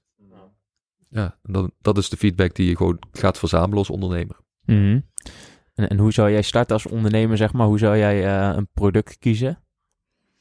Nou, waar ik mee zou starten als ondernemer is starten met een ander inkomen. Dus eerst is gewoon eh, werknemer blijven of eh, zorgen dat er inkomen is. En ga nou maar eens eerst, ehm, ja, ik, zeg, ik noem het altijd eh, informatie halen. En eh, ja, je kunt pas informatie halen als je waarde brengt. Dus ehm, als jij waarde gaat delen met de wereld, dus jij denkt van nou, ik zou wel een bedrijf willen starten in de e-commerce. En dan zeg ik altijd, nou, oké, tof. Wat, eh, wat wil je verkopen? En dan zegt iemand, koptelefoons. Zeg nou, tof. Hartstikke goed. Nou, ga nou maar eens, eh, in plaats van dat je een bedrijf gaat starten in koptelefoons, ga je social media account eh, openen. En dan pak je gewoon vijf social media accounts. En dan zet je bij allemaal, zet je Mr. Headphone. Of eh, de Headphone Master. Of Koning Headphone. Of eh, noem maar wat, hè. Koning koptelefoon. Bekt ook nog lekker. Dan ga je vanaf nu, ga je gewoon iedere dag, ga je 10 minuten van je dag benutten om iets te vertellen over koptelefoons. Wat jij ziet en wat je vindt. En, eh, of vragen stellen, of content delen, of modellen vergelijken, of wat dan ook. Maakt niet uit. En, dat, en die content, die verdeel je gewoon op meerdere kanalen. En dat ga je gewoon eens een half jaar doen. Vervolgens, in, die, in dat half jaar, ga je niet alleen maar die content delen, maar ga je ook kijken wie jou volgt. En die mensen die, jij, die jou volgen, die gaan hopelijk interactie zoeken met jou. En als ze dat niet doen, dan ga jij interactie zoeken met hun. En dan ga je gewoon vragen, hey, waarom volg je me? Wat tof. En dan zeg je, nou, ik eh, ben op zoek naar een koptelefoon. Oké, wat voor koptelefoons heb je overwogen? Dus je gaat informatie halen. Dus je gaat eerst waarde brengen, dan ga je informatie halen. Als jij 100 mensen hebt gesproken, dan heb jij genoeg informatie om je bedrijf te starten. Want dan heb je feedback. Dan weet jij, oké, er zijn dus 100 mensen die alleen maar Sennheiser micro of, eh, koptelefoons willen. Die willen helemaal geen Philips. Die willen geen Sony. Vinden ze allemaal rot dingen. Zijn alleen maar op zoek naar Sennhei- Sennheiser. Nou, wat ga je dan doen? Heel goed marktonderzoek eigenlijk gewoon. Is Ja. dat. ja. En wat, ja, je gaat gewoon animo testen. Je wilt weten, is hier überhaupt wel animo voor? En dit is wat ik zo vaak mis bij ondernemers. Zij gaan eerst een pro- product Ja, creëren, zijn daar creëren. maandenlang mee bezig. Ja. Ik, ik, ik had een klant die ging een app eh, bouwen. In, eh, ja, maakt eigenlijk niet uit in welke branche, want dan weten heel veel mensen meteen over wie ik het heb. Eh, maar die heeft daar jarenlang over gedaan. En die ging pas in de laatste fase, ging die testen bij mensen of wat ze ervan vonden, hoe ze het, eh, het gebruiksgemak vonden. Daar waren al tonnen uit, uitgevlogen. En niemand wist nog of het ooit zou gaan werken. Het was gewoon een idee uit iemands kop. Hij vond het vet en is het gaan bouwen. Ja. Maar ondertussen ben je wel een paar ton verder. Ja, ja. En kan het zomaar zijn dat iemand zegt: Ja, weet je, dat, die, die bestaat al. Eh, ik gebruik eh, die en die is Hmm. 10 euro goedkoper. Ja. Ja, die feedback wil je aan het begin hebben. Ja, maar dit is wel inderdaad wel heel herkenbaar wat je zegt. Want ik heb inderdaad, ik eh, verkoop dan op, e- ja, ik heb, dus zit in de e-commerce, dus ik verkoop online, vooral Pol. Ja. En wat hier heel veel mensen gaan doen, wat ik ook om me heen zie, is zeg maar, ze willen eigenlijk een product zoeken wat in een categorie zit, waar maar een heel klein beetje, eh, ja, maar een paar aanbieders zijn. En dan willen ze een heel uniek product hebben, zeg maar. Maar daarmee ga je geen sales pakken. Want Nee. zeg maar, je kan beter in een vijver vissen waar bijvoorbeeld 20.000 klanten zitten, de, en waar je dan misschien één van de honderd bent, dan dat je in een vijver gaat vissen waar misschien honderd klanten in zitten en waar je één van de tien bent. Want dan eh, heeft het helemaal, ja, snap, snap je dus heel vaak, ja. die fout is zo makkelijk gemaakt, omdat Ja. je, je wilt speciaal zijn, maar dat hoeft vaak helemaal niet. Nee, ja, dat is ook een soort van schaarste denken. Dus eh, als er meer kapers op de kust zijn, dan is er niet genoeg voor mij. Dat is vaak hoe het is. En mensen, dat zie ik ook heel veel bij ondernemers. Ze willen graag, eh, ze willen niet zo graag aandelen delen. Hè? Dus ze willen, eh, nee, ik wil niet dat mijn aandeel verwatert. Nou, eh, als jij kijkt naar Warren Buffett van deze wereld, die alleen maar investeren in bedrijven, ja, die verdienen meer dan de CEO van, van dat bedrijf. Eh, als jij kijkt naar Jeff Bezos, heeft volgens mij 10% aandelen nog van Amazon. Ja, is dat een probleem? Als, je, als jouw bedrijf 100, 160 miljard waard is? Lijkt me niet. Snap je? 16 miljard is ook prima. Of eh 1,6 miljard. Hè, 1600 miljoen. Hè, toch. Had ik toch maar alles gehouden en was het maar 100.000 euro waard geworden. Snap je? Of, of 2 miljoen waard geworden. Dus ja, mensen moeten altijd op intelligentie en op data en op cijfers sturen. En niet op gevoel. Hè, want ze willen zich altijd speciaal voelen. Je hoeft niet speciaal te zijn. Je hoeft niet disruptief te zijn als ondernemer. Je moet gewoon incrementeel, dus een klein beetje beter zijn. Of je moet een klein beetje sneller zijn. Of in een net een iets andere twitch maken in het aanbod. Dat is vaak al, al voldoende. Ik zou zelf nooit investeren in een bedrijf dat innovatief is. Veel te veel risico. Dat, Of een doelgroep kiezen, want heel vaak is dat ook het ding wat mis. Je kan bijvoorbeeld hetzelfde product verkopen, maar je kan een doelgroep kiezen en dan is het in één keer een heel ander product. Bijvoorbeeld zeker. eh, eiwitrepen. Als je bijvoorbeeld eh ineens zo'n boek van Start With Why, volgens mij, wordt Ja. dat heel erg, voorbeeld heel erg gegeven. Dat is een eiwitreep voor eigen voor... ja, voor, ik weet niet meer wat, voor bodybuilders, noem maar even wat, was nog geen speciale eiwitreep. Ja. En toen heeft hij eigenlijk gewoon letterlijk dezelfde eiwit, eiwitreep, maar dan voor bodybuilders. Ja. En dan in één keer gaat het wel lopen. Ja, ik weet dat eh, een, een van de mentoren van eh, Operatie Doorbraak, eh, Bernd Mintjes, eh, die investeert dan in bedrijven. En hij heeft dan ook zo, zo'n bedrijf met eiwitpoeder. Eh, en ze hebben nu zakjes eiwitpoeder eh, speciaal op de markt gebracht voor eh kooikarpers. Dus dat is kooikarperpoeder.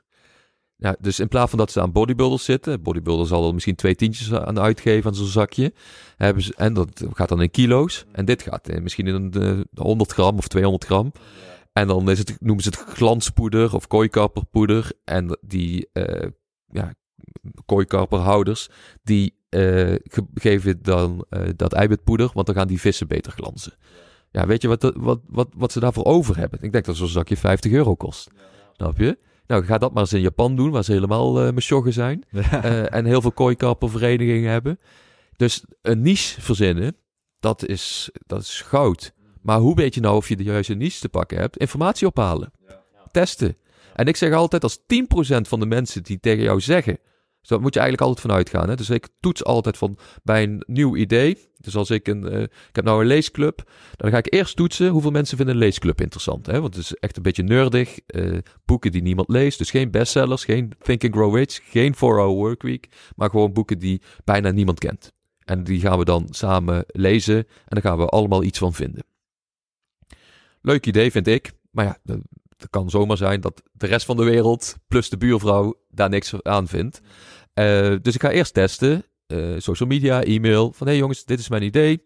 Zet, eh, meld je eventjes hier aan bij deze lijst. Als je daar van op de hoogte wilt gehouden worden. Nou, dan heb je bijvoorbeeld 100 man die ja zeggen. En die zeggen, nou, laat maar even iets weten. Lijkt me tof idee. Weten nog niks, hè? Weten geen prijs, weten nog helemaal niks. Vervolgens zeg je tegen die, die, tegen die 100, ik heb een prijs gevonden en ik weet het concept al een beetje. Dit is wat, het, wat we gaan doen. Hebben jullie nog steeds interesse? Dan zeggen er 80, ja, we hebben nog steeds interesse. Nou, dan denk ik, oké, dan heb ik acht leden straks. Ik deel het dan door 10. Nou, ik had er 11, maar goed, het, idee eh, klopte wel. Eh, dus, en dat is ook weer een grote valkuil voor, voor ondernemers. Zij vragen aan 100 mensen: eh, Zijn jullie geïnteresseerd? Zeggen er 80 ja. En dan komen ze naar mij toe en dan zeggen ze: Mark, ik heb een tof idee. En eh, ik eh, heb al 80 mensen die ja hebben gezegd. Dus eh, ja, gaan ze rekenen met die 80. Ik zeg oké, maar en ik ga rekenen met 8. Dan zegt ze, ja, maar, maar dat hebben we al 80 jaar gezegd. Ja, ze hebben... Dat klopt. Ik zeg, maar dan hebben er geen 80 mensen de portemonnee getrokken. En dit, dat- dat is een drempel. En daar gaat 90% afhaken. Ja, er zit een groot verschil in. Ja. Dus dat vind ik altijd wel leuk. Maar dat, dat is wel informatie halen. Dus daar begin je mee. Dus als je een on- onderneming wilt starten, eerst brengen, dan informatie halen. Met die feedback ga je iets leans bouwen. Dus iets wat eh, heel snel, heel makkelijk in elkaar te flansen is. eh, maar wat wel goed genoeg is voor je klant. Dus jij vindt het misschien nog geen 10, maar je klant die is bereid om het geld wat jij ervoor vraagt, dubbel en dwars ervoor te betalen. Dat moet echt wel een minimale vereiste zijn. Dus het is niet zo, hey, ik ben een, ik ben een coach en ik ga een slecht programma eh, in elkaar flansen. Nee, je hebt een goed programma. Maar je hebt het wel goed in elkaar gezet, maar het is niet perfect. Dus het is goed genoeg. Je hebt een app en die heeft twee functies. De belangrijkste functies. Waar 100 mensen op hebben gezegd, dat zijn de belangrijkste functies. En die bouw je voor 1000 euro. En dan zet je het in de wereld en dan ga je weer feedback verzamelen. Bij je klanten, bij de mensen die er geld voor geven. En dan gaat het heel snel daarna, als het goed is. Ja, dus je kunt beter een imperfect product zeg maar lanceren en gewoon beginnen en toetsen. En dan gaandeweg weer aanpassen, want dat zie je natuurlijk ook vaak. Dat is ook wel, eh, dat is volgens mij het boek wat jij net noemde van eh, 12 Months to 1 Million. Is dat ja, dat is, ja, dat is dat boek. Ja, dat is precies dat proces. Dat is wel heel mooi inderdaad. Dat hij eigenlijk zegt van ja, vaak dan investeren ondernemers al zoveel geld in een product en in het proces. En dan gaan ze inderdaad dan pas naar die klanten toe. En die zeggen dan van ja, ja is wel goed, maar dit en dit en dit. En dan, dan ben je al zo ver in het proces dat het eigenlijk ook alweer Ja. zoveel geld heeft gekost. Dat het eigenlijk zonde is. Ja, en ik denk dat ik echt al twintig boeken heb gelezen in de afgelopen 15 jaar die eh, over datzelfde praten. Dus dan zal het wel belangrijk zijn, dacht ik. Dus eh, ja, blijf ik dat ook herhalen, omdat het eh, voor zoveel mensen dus blijkbaar een, een issue is. Dus zij, mensen willen gewoon heel graag dingen creëren, maar dan hebben ze dus nog niet de juiste feedback verzameld om, ja, om, om vraag te hebben. Mhm. Dat zijn eigenlijk wel, denk ik, een paar terugkerende thema's. Dus die elke keer weer terugkomen. Ehm, jullie hebben natuurlijk met Tibor ook heel veel mensen geholpen, ondernemers ehm, en mensen gecoacht. Ja. Ehm, ja, wat waren dan eigenlijk de terugkerende thema's die jullie, of misschien vooral jij, met die mensen behandelen? Ja, eh ABS'en. Dus eh, alles doen behalve sales. En in het begin, ja, ik zeg altijd, de eerste ton eh, in je bedrijf doet het product er eigenlijk minder toe dan de sales. Dat klinkt heel onerbiedig voor mensen die klant zijn, maar eh, jij moet bewijzen dat er vraag is naar jouw product. Dus als jij, je kunt nog zo'n goed product hebben, maar eh, no- noem het maar een boormachine. Als jij een boormachine wilt verkopen en jij kunt niet honderd mensen zeggen die vinden die zeggen ja, doe mij die boormachine. Waarom zou jij die boormachine eh, versie 2.0 gaan maken? Dat heeft toch geen nut? Ze zeggen al nee tegen versie 1.0. Dus waarom zouden ze dan ja zeggen tegen 2.0 of 3.0? En dat zie ik vaak met programma's, jaarprogramma's of diensten of eh, trainingen of evenementen. Mensen gaan het vanaf het begin, meteen zoals ze- ze het eindpunt in gedachten hebben, gaan ze het maken. Maar wat is er nou mis mee om iets minder te vragen? Dus bijvoorbeeld in plaats van dat coachtraject van 10.000 euro per jaar, laat die mensen nou een kwartaal voor 1000 euro. En dan zeg je maar gewoon eens twee keer. En zegt iemand twee keer ja, dan heb je dus bewijs. Mensen zijn bereid om 1000 euro aan mijn coaching te betalen. Nou, dat is twee keer gelukt. De volgende vraag je 1500. En de volgende vraag je 2000. Totdat je op dat eindpunt komt. En iedere keer vraag je feedback in. hey, wat zou het jou 500 euro meer waard maken dan de, prijs die jij betaald hebt? En dan zegt iemand, ja, nou, als ik eh, jou iedere week spreek in plaats van iedere maand. Oh ja, dan gaan we eens even naar kijken. Dan doen we één keer in de twee weken. En je gaat nooit helemaal luisteren, anders geef je te veel. Dus vervolgens ga je het doen totdat je op het eindpunt komt. En dan heb je, zorg je dat je goed hebt geluisterd. Dat er alles erin zit wat die mensen zeggen. En dat het misschien nog wel de overtreffende trap is. En dan, ja, dan heb je goud in handen. Want je, heb je en een product dat helemaal is zoals je klanten het willen. En je wordt er blij van zelf. En het levert de euro's op die je wilt. Dus eigenlijk heel stapsgewijs ga je je, pro- je product eigenlijk aan de hand van je klanten bouwen en verbeteren. En eh, daarna ga je pas dus extra waarde ook, of extra een eh, meerprijs vragen daarvoor. Ja. Ja, kijk, wij zitten hier nou in een prachtige omgeving hè, met heel veel bloemen en planten. Eh, als je helemaal opnieuw zou moeten beginnen met, met, um, met zo'n zaak, dan ga je ook niet alle soorten planten hier neerzetten. Dan pak je in het begin pak je gewoon rozen en tulpen, bijvoorbeeld. Of je pakt de meest uh, verkochte bloemen bij een andere bloemenzaak. Daar begin je mee. En dan pak je ook niet 100 vazen, maar dan pak je gewoon een standaardvaas. En vervolgens komen er mensen. En dan ga je hun vragen. Zegt iemand: Hey, heb je ook uh, madeliefjes? Dan zeg je nou, als jij ze iedere week koopt, wel. Oh, ja, doe maar, snap je? Ja. Heb je ook uh, potten? Heb je ook potgrond? Ja, heb je die nodig dan? Als dat tien keer gevraagd wordt, dan zet je hem op je lijstje. Dus dat, dat is ondernemerschap. Dus je gaat pas op basis van feedback van de klant, ga je je bedrijf groter maken of ga je je aanbod groter maken. De markt echt aan gaan voelen en kijken waar de vraag ligt en daar ook naartoe schuiven. Ja, het maakt het gewoon veel makkelijker. Ja. dus mensen, ja, waar we het over hadden met die kracht en, en, uh, en dat het makkelijker gaat. Ja, het gaat natuurlijk makkelijker als je al mensen hebt die ja tegen je hebben gezegd. Dat is, ja, vind ik altijd de lekkerste manier van ondernemen. Dus als er honderd mensen zijn die wijn drinken en jij kent die mensen, dan kun je altijd ervoor zorgen, en dat is een mooie om aan te haken op die e-commerce, er is er altijd een manier om ervoor te zorgen dat zij klant bij jou worden. Meerwaarde geven, namelijk. Als jij waardevoller voor die klant bent voor dezelfde prijs, ja, dan is het een no-brainer voor ze. De enige uitzondering daarop is de relatie.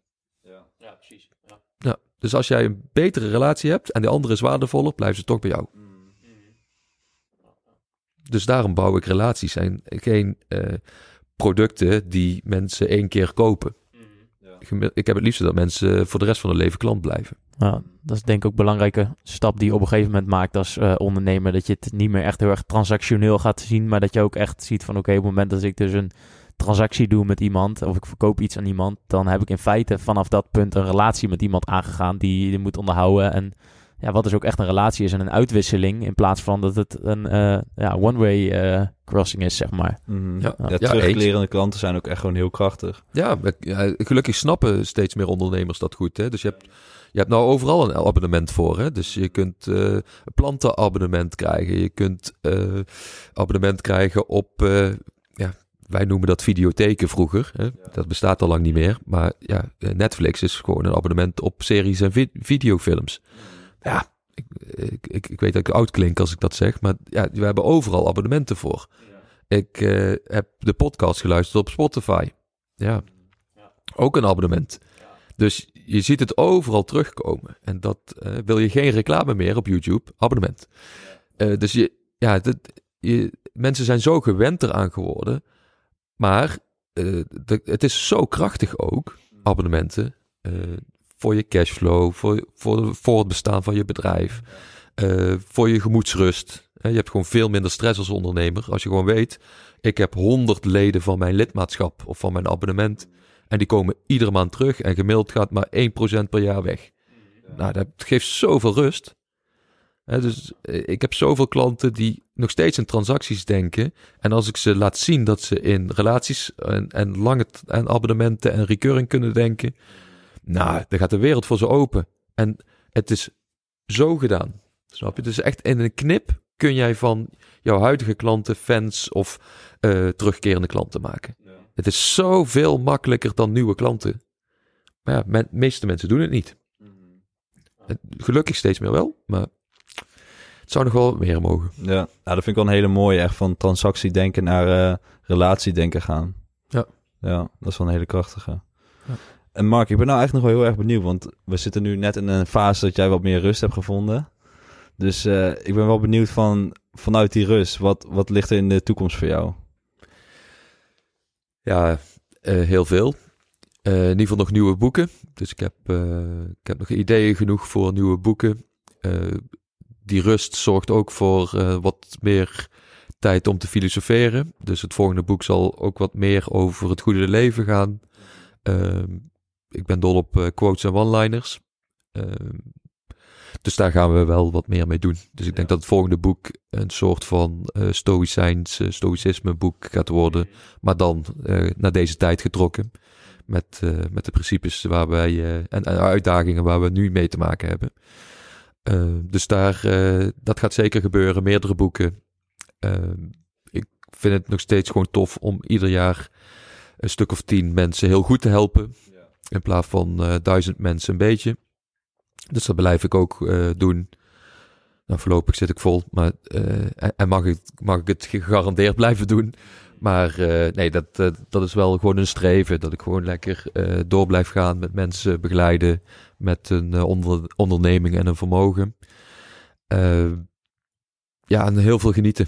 Ik merk dat. eh, dat ja, ik heb jarenlang mijn verjaardagen nooit gevierd. En, en dat soort dingen. Ik ben echt alles aan het vieren nou.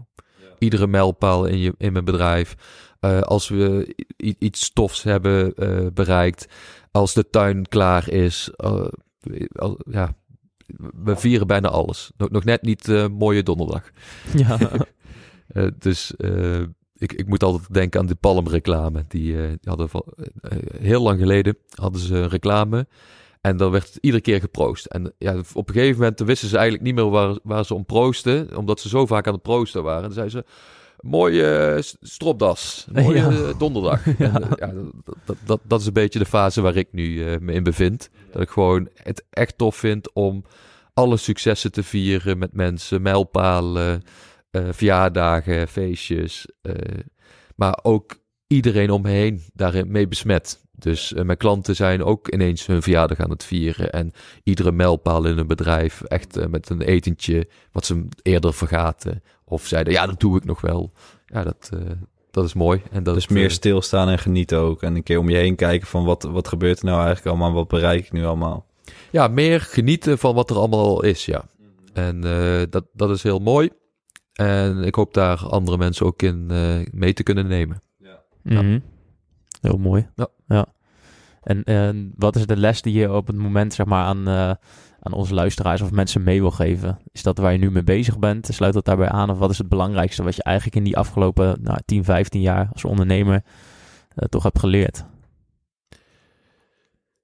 Ja, het allerbelangrijkste vind ik dat, eh, dat je het simpel moet houden. En dat je het bij jezelf moet houden. En ja, dat, komt, dat is gewoon een thema dat iedere keer weer terugkomt bij mensen. Zo gauw als jij van je pad afraakt, raak je van het padje. En jouw pad moet je gewoon blijven bewandelen. Jij, jij moet iedere keer weer op zoek gaan naar wie je bent, en wat je wilt zijn. En eh, wat dat dus betekent voor jouw concrete gedrag. Hoe, hoe leef ik mijn dag? Ehm, en dat is veel belangrijker dan euro's of winst of eh, omzet. Dat zijn hele mooie bijzaken. Eh, maar die leiden allemaal toe naar dat mooie leven met, eh, met toffe mensen. Ja. Dus eh, mijn, mijn primaire boodschap is: focus nou maar gewoon op een mooi leven met toffe mensen. Want dan wa- wandel je vanzelf het pad wat je hoort te bewandelen. Dus die verbinding is wel echt heel, heel belangrijk en heel krachtig. verbinding met jezelf, verbinding met eh, je dierbaren, maar ook verbinding met eh, ja, het grotere geheel. Dus eh, de natuur. Ga gewoon lekker met je voetjes naar buiten. Geniet van de zon. Laat, laat het ook op je huid komen. Drink gewoon schoon water. Dat soort dingetjes. Ja, ik vind, ik vind de natuur prachtig. En ik vind ook dat we daar te weinig zijn. Ja, te veel binnen. Te veel kunstlicht. Te veel warmte, koude, eh, gestuurd, gereguleerd, airco, verwarming. Al, al onze huiden drogen uit, eh, omdat we te veel binnen zitten, te veel verwarming, te veel airco. Dan ga lekker naar buiten, geniet ervan. Buiten kun je ook gewoon werken met een laptop hoor. Kan, kan prima. Ja. Even Back to, eh, back to nature. Ja, hoeft niet helemaal, maar eh, ja, daar kun je zelf je gradatie in, in, in bepalen. Ik vind eh, op blote voeten lopen heerlijk. Eh, andere mensen hebben liever schoenen aan, allemaal prima. Maar eh, ja, gewoon buiten zijn is, ja, zou toch wel een kern van je bestaan moeten zijn. Mark, eh, ook nog een, voor ons een hele belangrijke vraag is, zeg maar, want, ja, je bent met zoveel dingen bezig als ondernemer. Je zegt ook tijdens die weg, ja, ben je ook, ben je ook wel eens, zeg maar, ontevreden geweest. Gewoon zoveel aan, echt aan het strijden geweest, zeg maar. Ehm, nu begint dat wat anders te worden. Wat, is, ja, wat heeft eigenlijk gemaakt tijdens dat hele proces dat je er nog wel steeds eh, op kwam dagen, zeg maar? Dus wat, ge- wat geeft het zin voor jou eigenlijk? Ja, dat, dat het nog niet klaar was. Dus, eh, want ik, ja, dat is gewoon mijn eeuwige motto. Je blijft het doen totdat het lukt. Eh, dus ja, de, de focus op, op die challenge, dus iedere keer jezelf weer een uitdaging geven, ja, dat zorgt voor, voor de zingeving. Als je geen eh, doel neerlegt voor jezelf, en zeker als je man bent, eh, merk ik dat dat nog sterker werkt. Geen doel betekent geen zingeving, betekent een leeg gevoel, betekent een hele brok ellende. Eh, dus of het nou met frustratie en kracht moet, of met souplesse en ontspanning, maakt eigenlijk niet zo heel veel uit. Blijf die doelen stellen.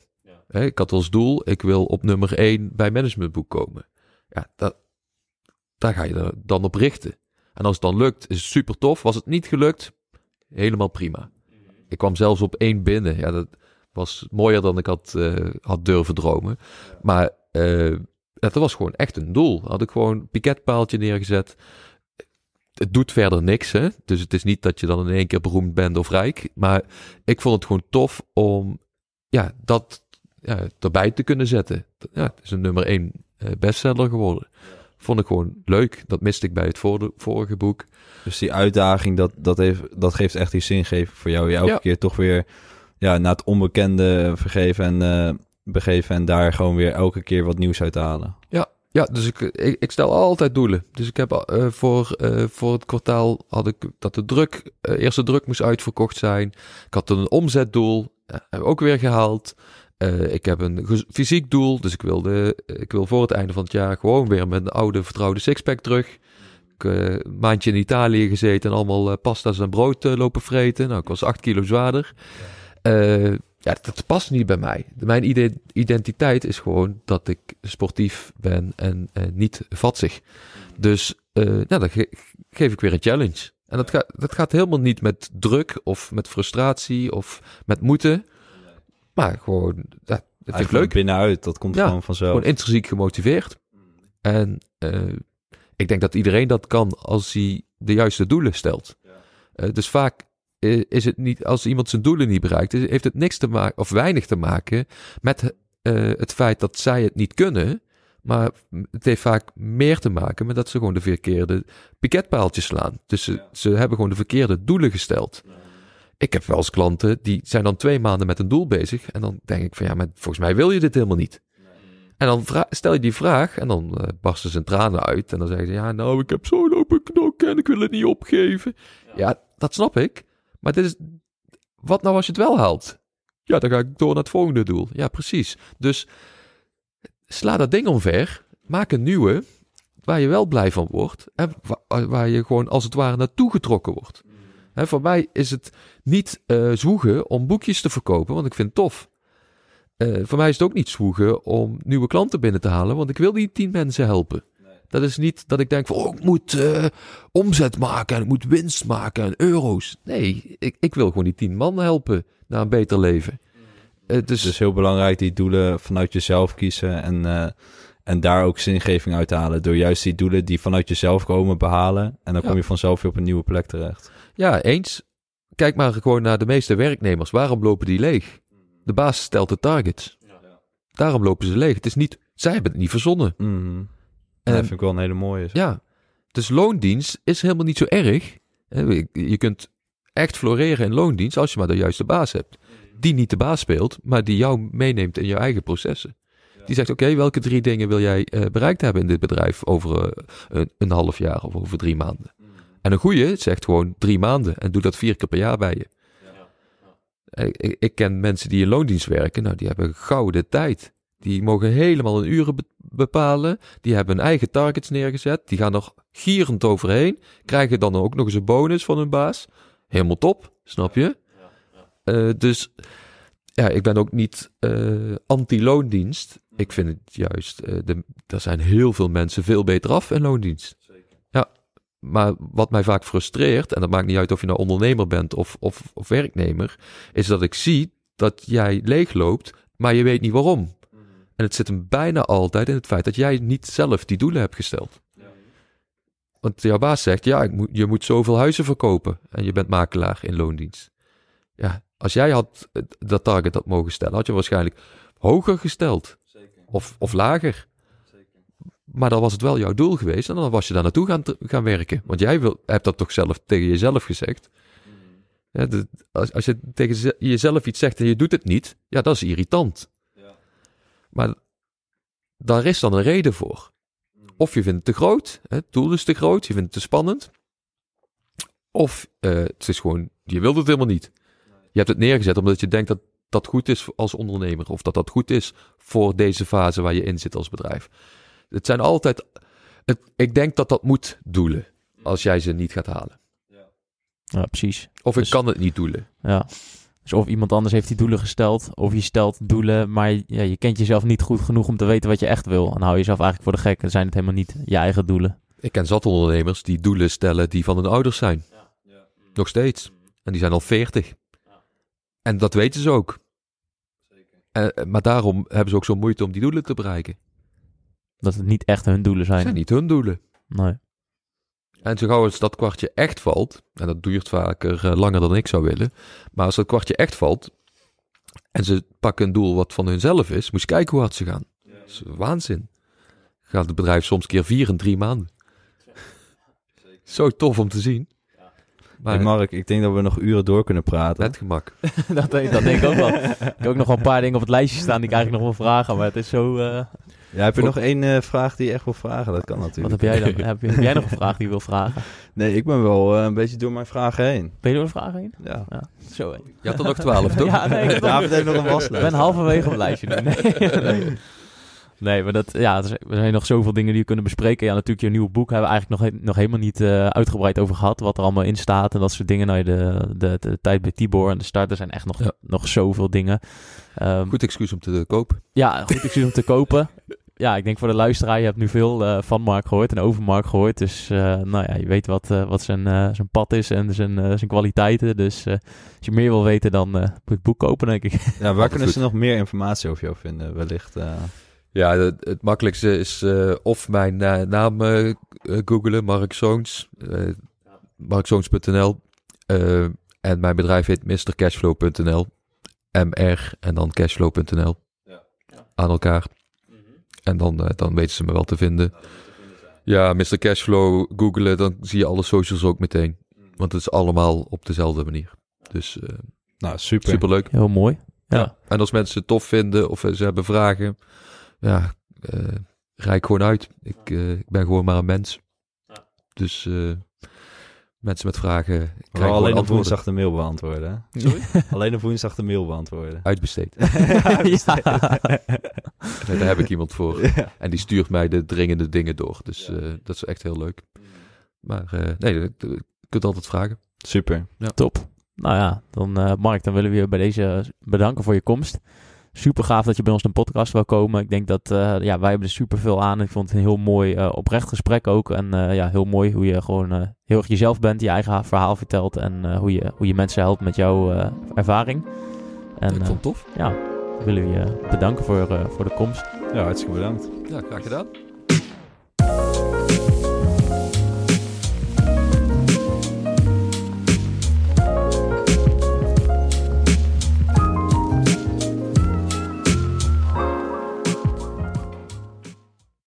Welkom bij Ondernemend, het nummer 1 platform voor ondernemers. Bij Ondernemend vind je alles om jezelf naar het volgende niveau te brengen en jouw bedrijf te starten of op te schalen. Bij Ondernemend bieden we een netwerk met de beste ondernemers van Nederland. Gecombineerd met kennis en een hechte community. Met de kennis van ons platform krijg jij als ondernemer meer structuur, rust, cashflow en vervulling. Ondernemend is jouw sleutel tot een nog succesvollere ondernemersreis. Dus wil jij samen met ons jouw maximale potentieel benutten? Join dan onze community.